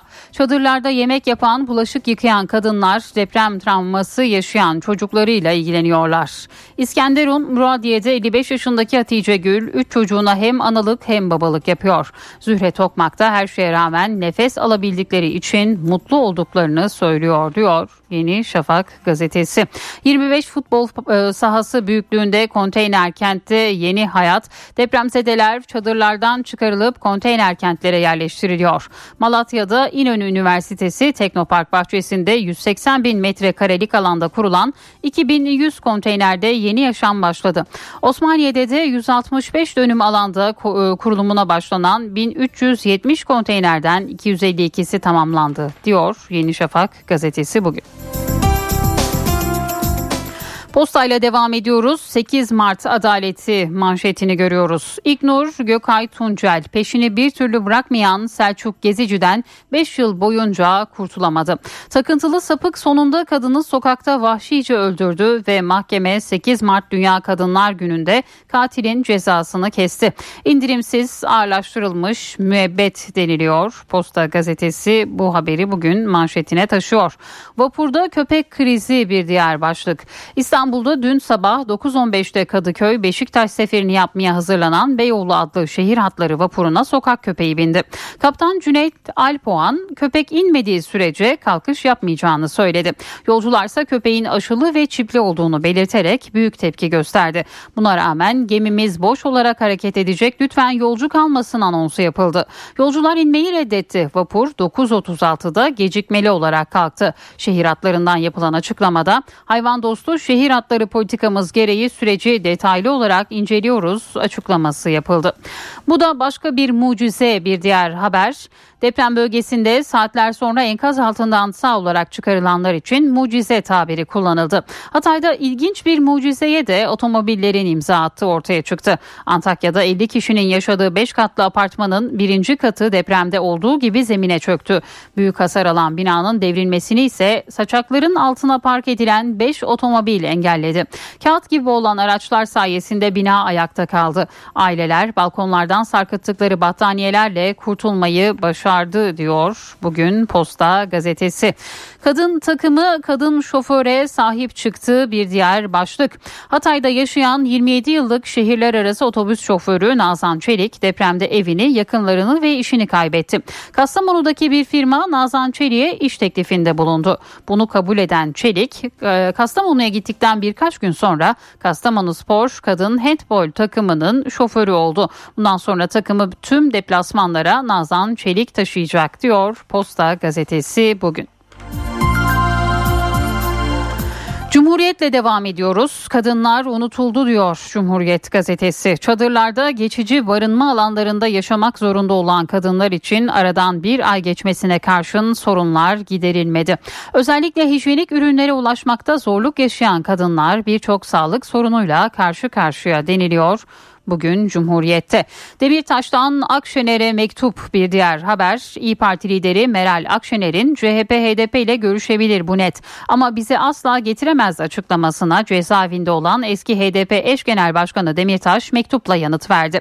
Demirtaş HDP'nin oy vereceği Cumhurbaşkanı adayıyla müzakere yapmasının nasıl bir sakıncası olabilir diye sordu. Kadınlarla tarih yazacağız bir diğer başlık. İyi Parti lideri Akşener 8 Mart Dünya Emekçi Kadınlar Günü'nde partili kadınlarla Ulu Önder Mustafa Kemal Atatürk'ün huzuruna çıktı. Akşener Anıtkabir özel defterine kadınlarla birlikte tarih yazacağız ifadelerini yazdı. Bir diğer haber domates üreticileri direndi ve kazandı başlığıyla Cumhuriyet gazetesinin ilk sayfasından. Fiyat artışlarını yasaklarla dizginlemeye çalışan iktidar yine başarılı olamadı deniliyor. Üreticilerin tepkisi üzerine domates ihracını 2 Mart'ta yasaklayan Tarım ve Orman Bakanlığı üreticilerin tepkisi üzerine geri adım attı. Bakanlığın yasaklama yetkisi de yeniden Ticaret Bakanlığı'na verildi deniliyor. Bugün Cumhuriyet gazetesinde yer buluyor bu başlıkta. NTV Radyo Akustik taş yünü asma tavan sistemleri Tromer sunar. Profesör Murat Ferman'la evdeki hesap. Günaydın Sayın Ferman, mikrofon sizde. Zeynep Gül Hanım günaydın. İyi bir gün, iyi yayınlar diliyorum. İçeride ve dışarıda rekabetçi güce sahip olmanın temel koşullarından, kurallarından bir tanesi araştırma, geliştirmeye dayalı, yenilikçi, orijinal, yüksek kaliteli ürün ve hizmetlerin sunulmaya devam edilmesi. O bakımdan yeni ürün geliştirmenin, yeni hizmet geliştirmenin adeta yeni bir tarafı kalmayıncaya, rutin hale gelinceye kadar sürdürülmesi gerekiyor. Bundan tam 33 yıl evvel Boğaziçi Üniversitesi'nde yeni ürün geliştirme dersi vermeye başlayan ve bu konu ile ilgili yoğunlaşan bir akademisyen olarak e, bunun ne anlama geldiğini teoride söylediğimiz bu sözlerin pratikteki uygulamalarını dış, içeride ve dışarıda yakından izlemiş bir uzman. Tabii yeni ürün geliştirmenin ayrılmaz bir bütünü eski ve yerleşmiş deyimiyle mütememmim cüzü hiç şüphesiz araştırma geliştirme faaliyetleridir. Araştırma geliştirme faaliyetlerini kısaca ARGE diyoruz. ARGE başlığını e, elbette değerli do, e, dostum Doktor Şeref Oğuz'un deyimiyle arakla getir olarak algılamamak gerekir. Evet araştırma, geliştirme, yeni ürün geliştirme veya ortaya koymanın belki de ilk aşamadaki stratejilerinden biri copycat dediğimiz taklit teknolojisidir. Nitekim Japonya bu e, modeli izlemiştir. Daha sonra Çin bunun çarpıtılmış bir versiyonuyla yola devam etmiştir. Ama netice itibariyle bunların 1970'lerde, 80'lerde hatta 90'larda Çin için kaldığını ifade edelim. O halde araştırma ve geliştirmede kendi yolumuzu bulmak, bu işe önem vermek mecburiyetindeyiz. Bunu her vesileyle söylüyoruz ama bu e, tekrar bu konuyu gündeme getirmemizin, e, gündeme e, getirmek istememizin temel nedeni e, TÜİK'in son bir araştırması. Buna göre ARGE e, verileri e, araştırma geliştirme bakımından güncellenmiş ve uluslararası referans kaynağı olan, olan Frascati kılavuzunun önerilerine uygun olarak hesaplama yönetimi, e, yöntemi yeniden revize edilmiş ve 2015-2021 yılları arasında ki bu konudaki en güncel, en son, en taze bilgi 2021'e ait veriler tekrar gözden geçirilmiş. Onun için izin verirseniz bu yeni gözden geçirme çerçevesinde performansa, ayrıma, genel kompozisyona çok kısaca göz atmanın tam da zamanıdır. ARGE harcamasının gayri safi yurt içi hasıla içerisindeki payı en son yüzde 1.40 seviyesine yükseliyor. E, 2010'ların hemen başında bunun e, milli gelirin e, sadece yüzde 0.80'i düzeyinde kaldığını söyleyelim. Gene de gelişmiş ülkeler göz önüne alındığında bu oranın yukarılara taşınması gerektiği ortada ve açık. En fazla ARGE harcaması mali ve mali olmayan şirketler yani özel sektör tarafından yapılmış ve netice itibariyle bu çerçevede mali ve mali olmayan şirketler neredeyse ARGE'nin %55'ini gerçekleştirmişler. Bu çerçevede devlet yani kamu ARGE harcamalarının kabaca dörtte birini biraz fazlasını yüzde yirmi yedi buçuğunu yüksek öğretim beşte birini yüzde on altı nokta dördünü gerçekleştirmiş.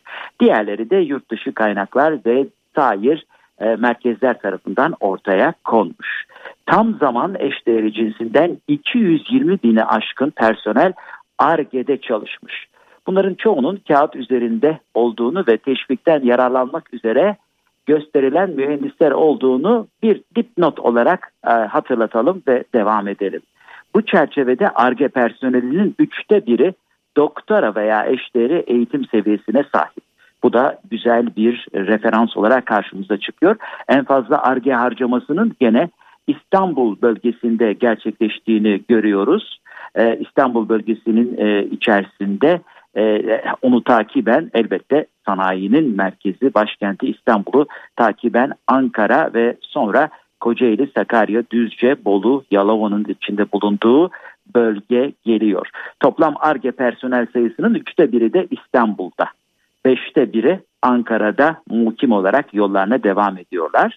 En fazla ARGE harcamasında güzel bir haber yüksek teknoloji faaliyetlerindeki girişimler tarafından yapılıyor. Evet neredeyse yüzde 47 yüksek teknoloji, e, yüzde 40'ı orta yüksek teknoloji ve nihayet düşük teknoloji, orta düşük teknolojide yüzde 10. 2015 yılında yüksek teknoloji yüzde 35 oranındaymış. Yani yüzde 10'luk bir gelişme sağlanmış. Tabii netice itibariyle ARGE'nin sonuçları bakımından da değerlendirilmesi lazım.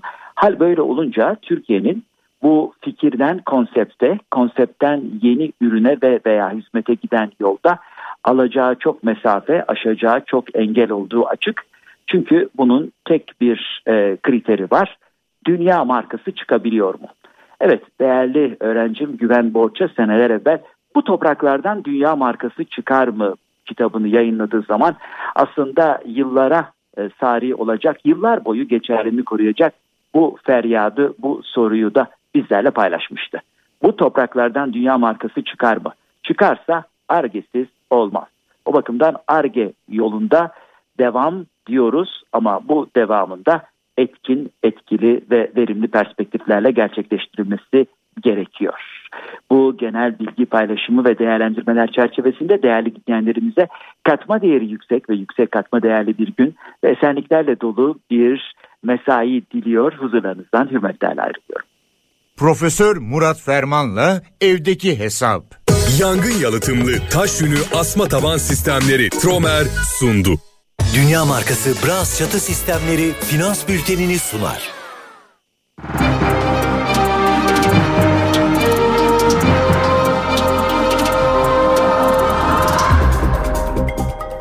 Borsa İstanbul Yüz Endeksi 5438 seviyelerinde dolar 18.94 euro 20.01'den işlem görüyor. Euro dolar paritesi 1.05 altının ozu 1815 dolar.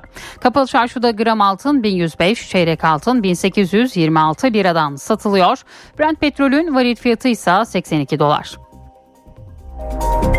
Dünya markası Bras çatı sistemleri finans bültenini sundu. NTV Radyo Renklerin ötesinde, hayatın her köşesinde.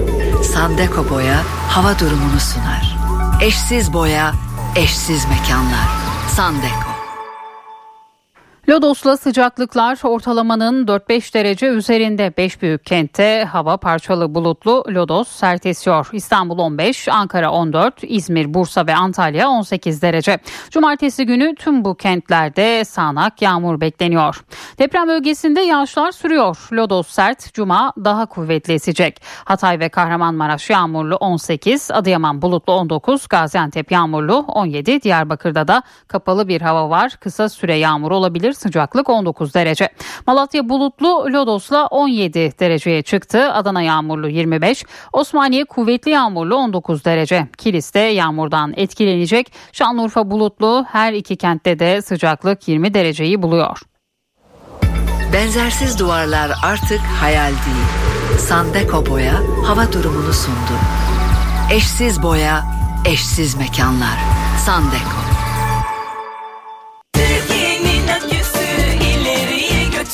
Yiğit Akü yol durumunu sunar. Karayolları Genel Müdürlüğü duyurdu. Bingöl Genç Diyarbakır yolunun 0-43. kilometrelerinde ve Selçuk Ortaklar Aydın yolunun 27-32. kilometrelerinde yol bakım ve onarım çalışmaları var. Çalışmalar sebebiyle ulaşım kontrollü olarak sağlanıyor. Bu nedenle sürücüler dikkatli seyretmeli. Yiğit Akü yol durumunu sundu. NTV Radyo Araç takipte liderlerin tercihi Mobiliz risk haritasını sunar. Lodos kuvvetli esiyor ve yağmur birçok noktada şiddetli yağacak. Özellikle yağış deprem bölgesinde Adana, Kahramanmaraş, Hatay, Gaziantep taraflarında su baskınlarına neden olabilir.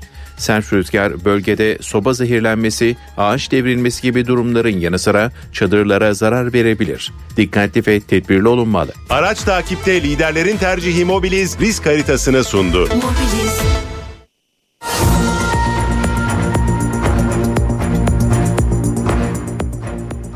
NTV Radyo'da haberleri aktarmayı sürdürüyoruz. 14 Mayıs seçimleri için gözler resmi sürece çevrildi. Cumhurbaşkanı Recep Tayyip Erdoğan 10 Mart Cuma gününe yani yarına işaret edip anayasanın bize verdiği yetkiye dayanarak alacağımız seçim kararının resmi gazetede yayımlanmasıyla süreci başlatacağız demişti.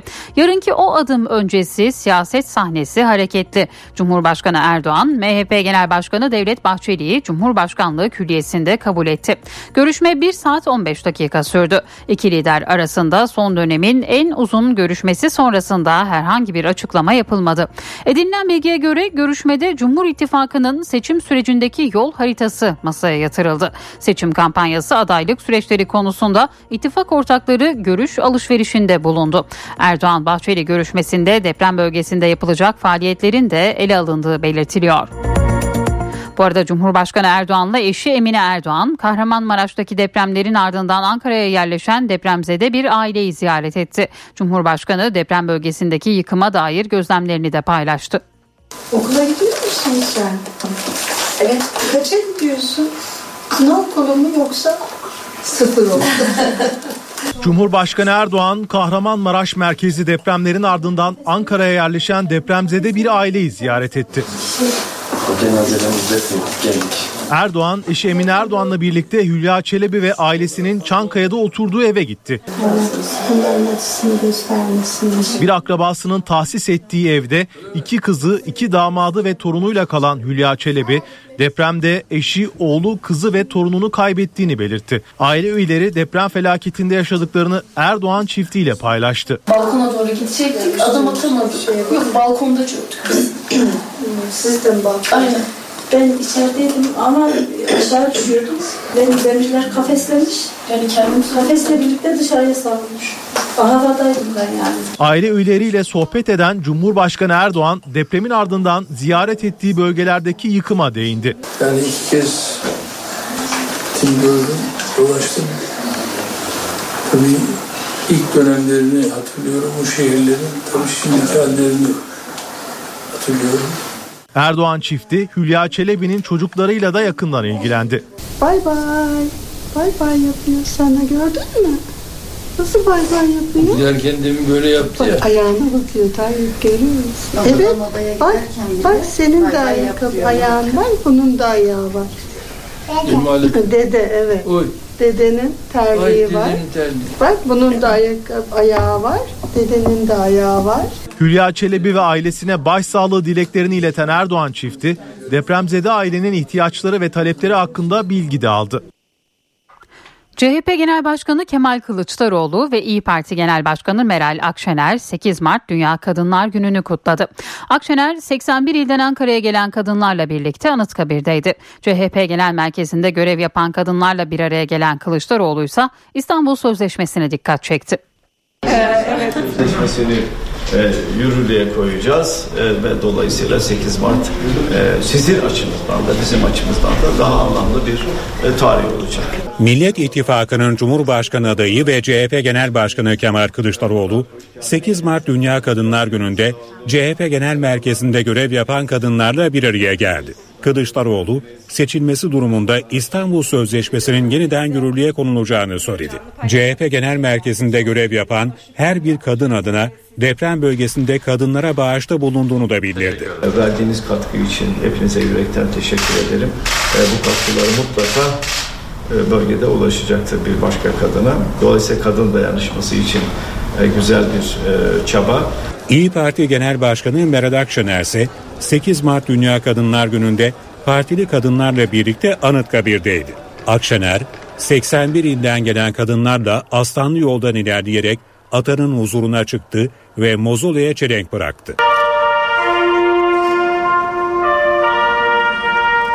Akşener, Cumhuriyetimizin bizim için ne kadar büyük bir şans olduğunun farkındayız diye yazdığı Anıtkabir özel defterini de imzaladı.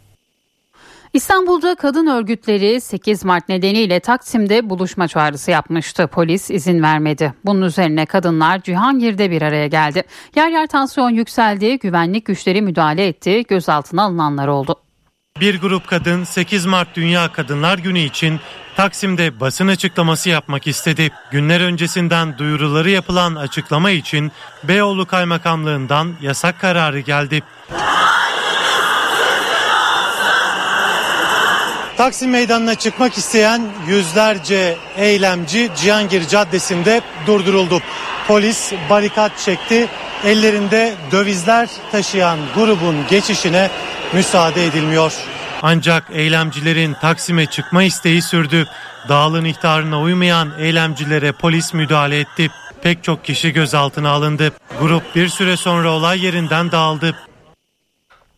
Felaketin üzerinden 32 gün geçti. Canlarını zor kurtaran depremzedelerin hafızalarında o gece yaşadıkları korkunun izleri var. Şehirlerini terk edip terk etmeme konusunda ikilem yaşıyorlar. Ama mallar gitti, araba gitti, bina gitti ama çok şükür hayattayız.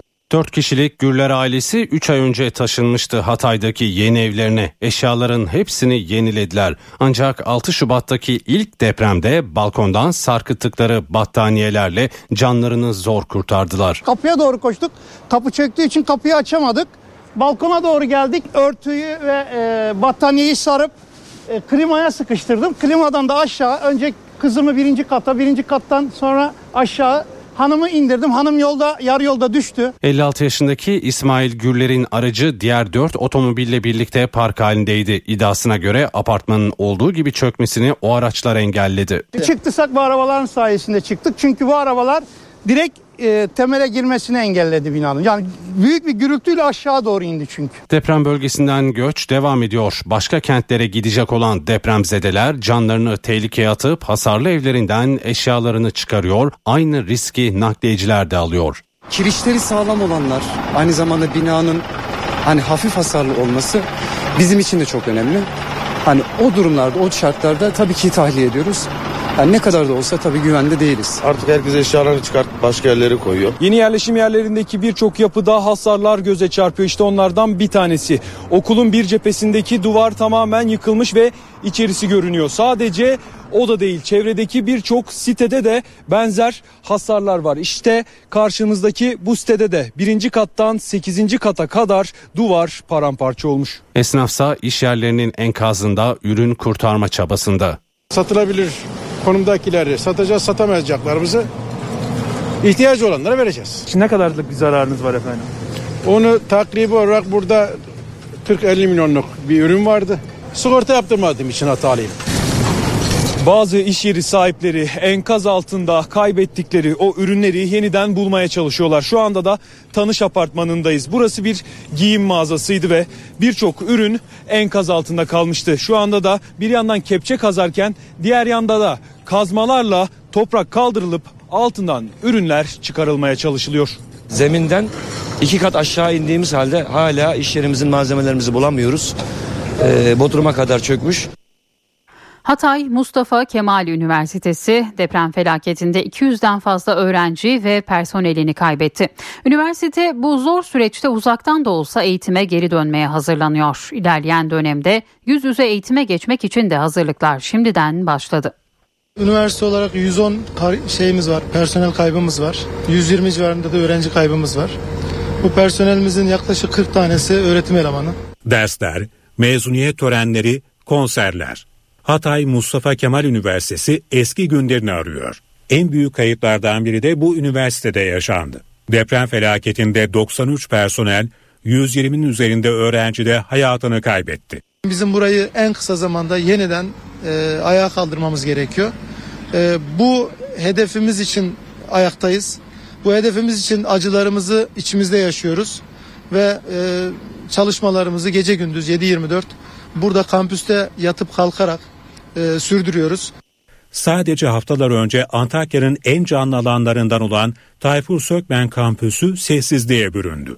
Deprem felaketinden önce öğrencilerin, akademisyenlerin, hocaların beraber ders yaptığı, kullandıkları alanlar şu an bomboş. Mustafa Kemal Üniversitesi'nde hemen hemen her yer kullanılamaz halde. Çünkü binaların her ne kadar büyük bölümü hasar görmüş görünmese de kullanılamaz halde. %62'si deprem sonucunda bu raporla tescillenmiş durumda. Ancak öğrencilerin, akademisyenlerin hepsinin ortak mesajı şu. Bir gün yeniden geri döneceğiz ve kaldığımız yerden güzel günleri yaşamaya devam edeceğiz. Bunun için de çalışmalar başladı. Üniversiteye bağlı hastane, kampüsün yanındaki alanda hizmet vermeye devam ediyor. Öğretim görevlilerinin kalabileceği konteynerlerin inşa süreci de sürüyor. Konteynerler kurulduktan sonra ise hasarlı binaların yıkılıp yeniden inşa edilmesi hedefleniyor. Ama biz istiyoruz ki üniversitemize önce personelimiz gelsin yerleşsin. Ardından da öğrencilerimizi de buraya getirelim ki eski güzel günlere yeniden üniversitemizi kavuşturabilelim. Ee, bunun için de e, en temel e, ihtiyacımız e, barınma ile ilgili ihtiyaçlar. Hem sağlık çalışanlarının barınma ile ihtiya- ilgili ihtiyaçlarını karşılamamız gerekiyor. Hem de diğer akademik ve idari personelimizin barınma ile ilgili ihtiyaçlarını karşılamamız gerekiyor. Burayı biz ayağa kaldıracağız. Hep beraber ayağa kaldıracağız. Mecliste görüşmesi süren kamu alacaklarının yapılandırılması teklifine yeni madde eklendi.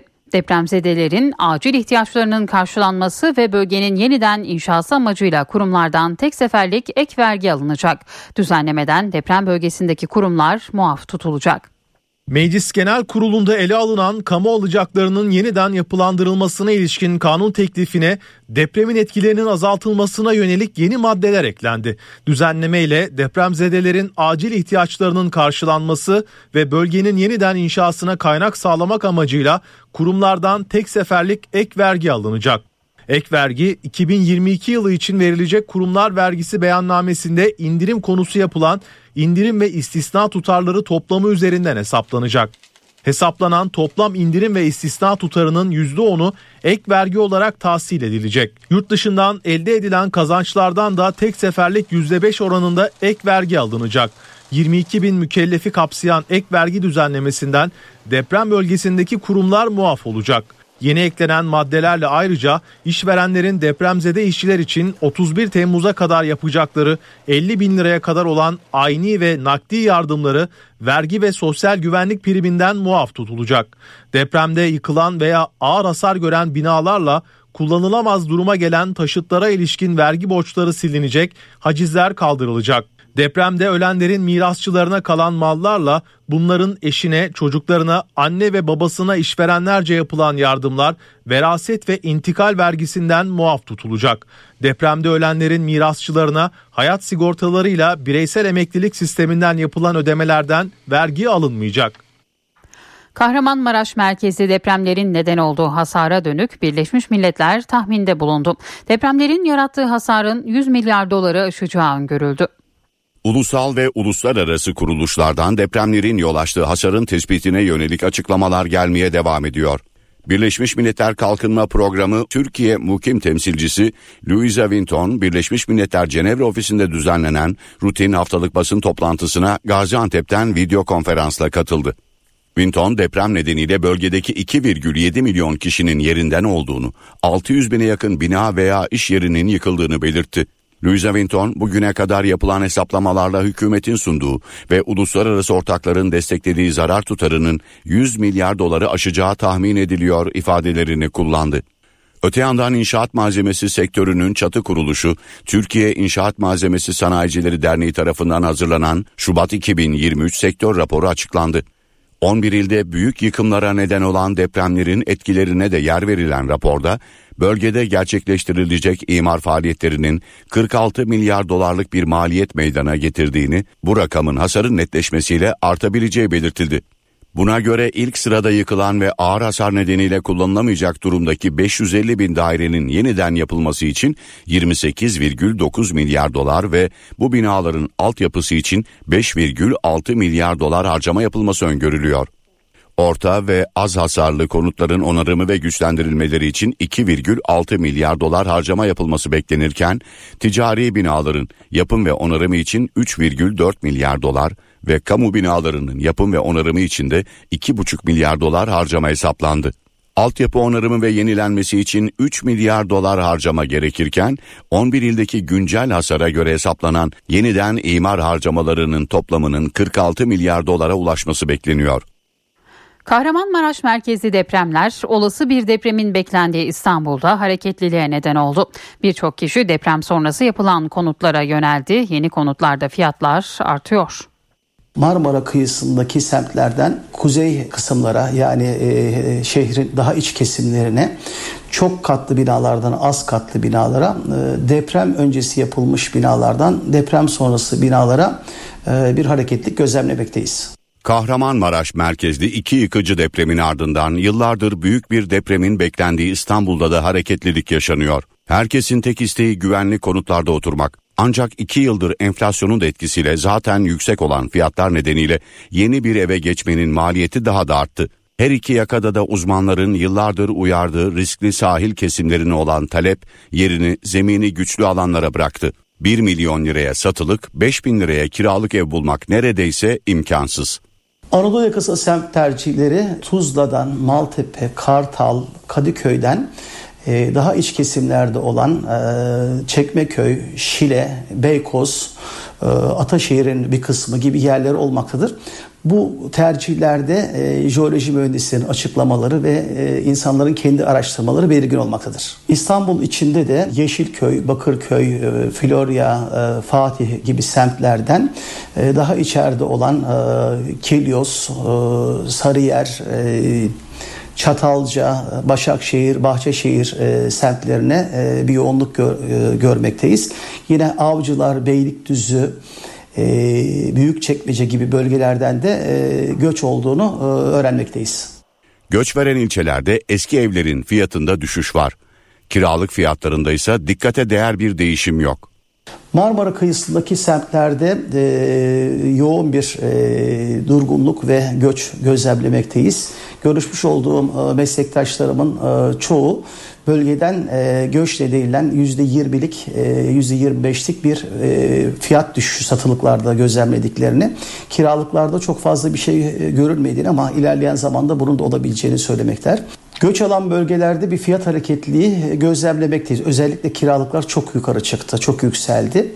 Satılıklarda da insanlar arayış içinde. E, farklı semtlerden e, Ömerli'ye, Çekmeköy'e, e, Riva'ya gidip yer arayan e, ve e, şartlarını oranın durumlarına uydurmaya çaba gösteren insanlar tanımaktayım, birebir tanımaktayım. Söz konusu evlerle ilgili e, mülk sahiplerinden rapor istediğimiz zaman bu raporlarının bize temini noktasında sorun yaşıyoruz.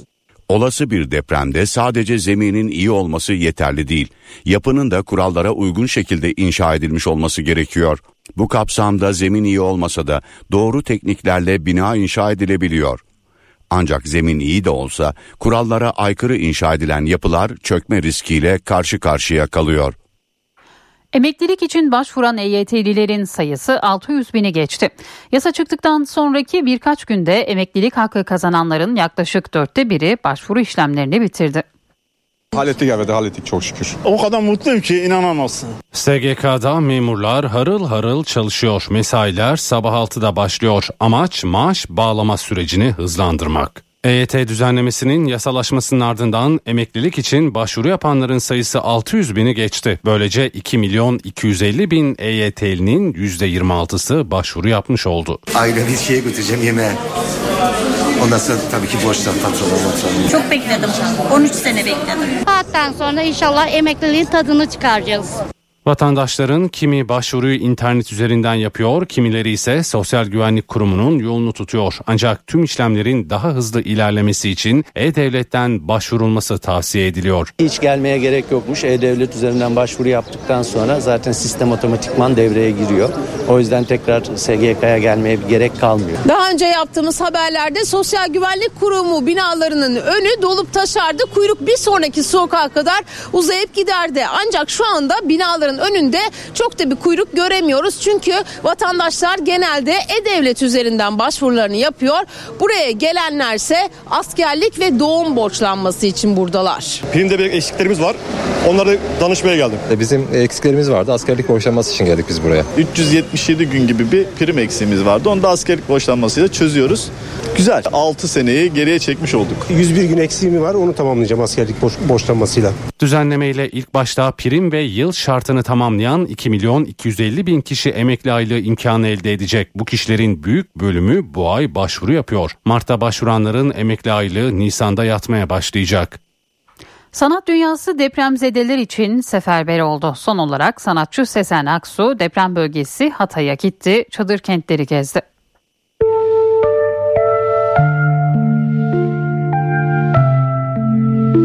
Önce sosyal medyada bir video ortaya çıktı. Deprem bölgesinde yardım ekiplerinden birinin yaptığı konuşmada telefonun ucunda Sezen Aksu vardı.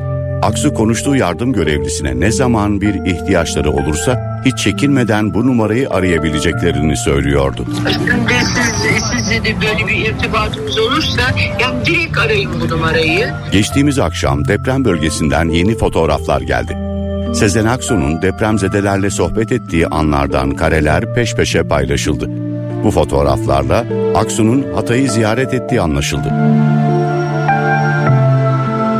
Bugüne dek yaptığı yardım ve destekleri açıklamamayı tercih eden Aksu, Hatay'ın Hassa ilçesinde çadır kentleri gezip depremzedelerle sohbet etti. Aksu gençlerle ve aileleriyle görüşüp yardım taleplerini dinledi onlara moral verdi.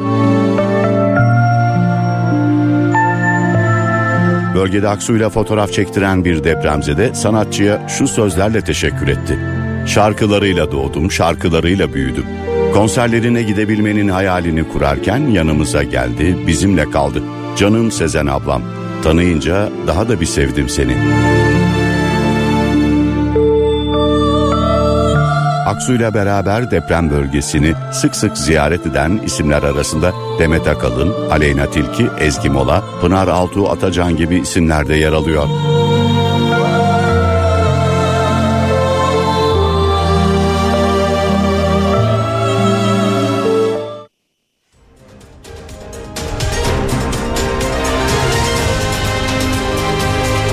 NTV Radyo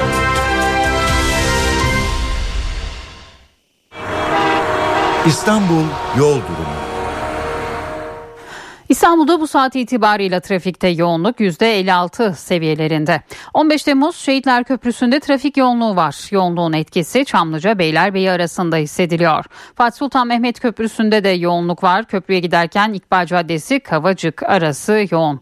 D100'de Soğanlı Koşuyolu arasında yine sabah trafiği gözlemleniyor. Avrasya Tüneli çift taraflı açık. Avrupa yakasında yoğunluk E5'te Beylikdüzü'nden Tem'de ise Esenyurt'tan şehre doğru ilerliyor. İstanbul Yol Durumu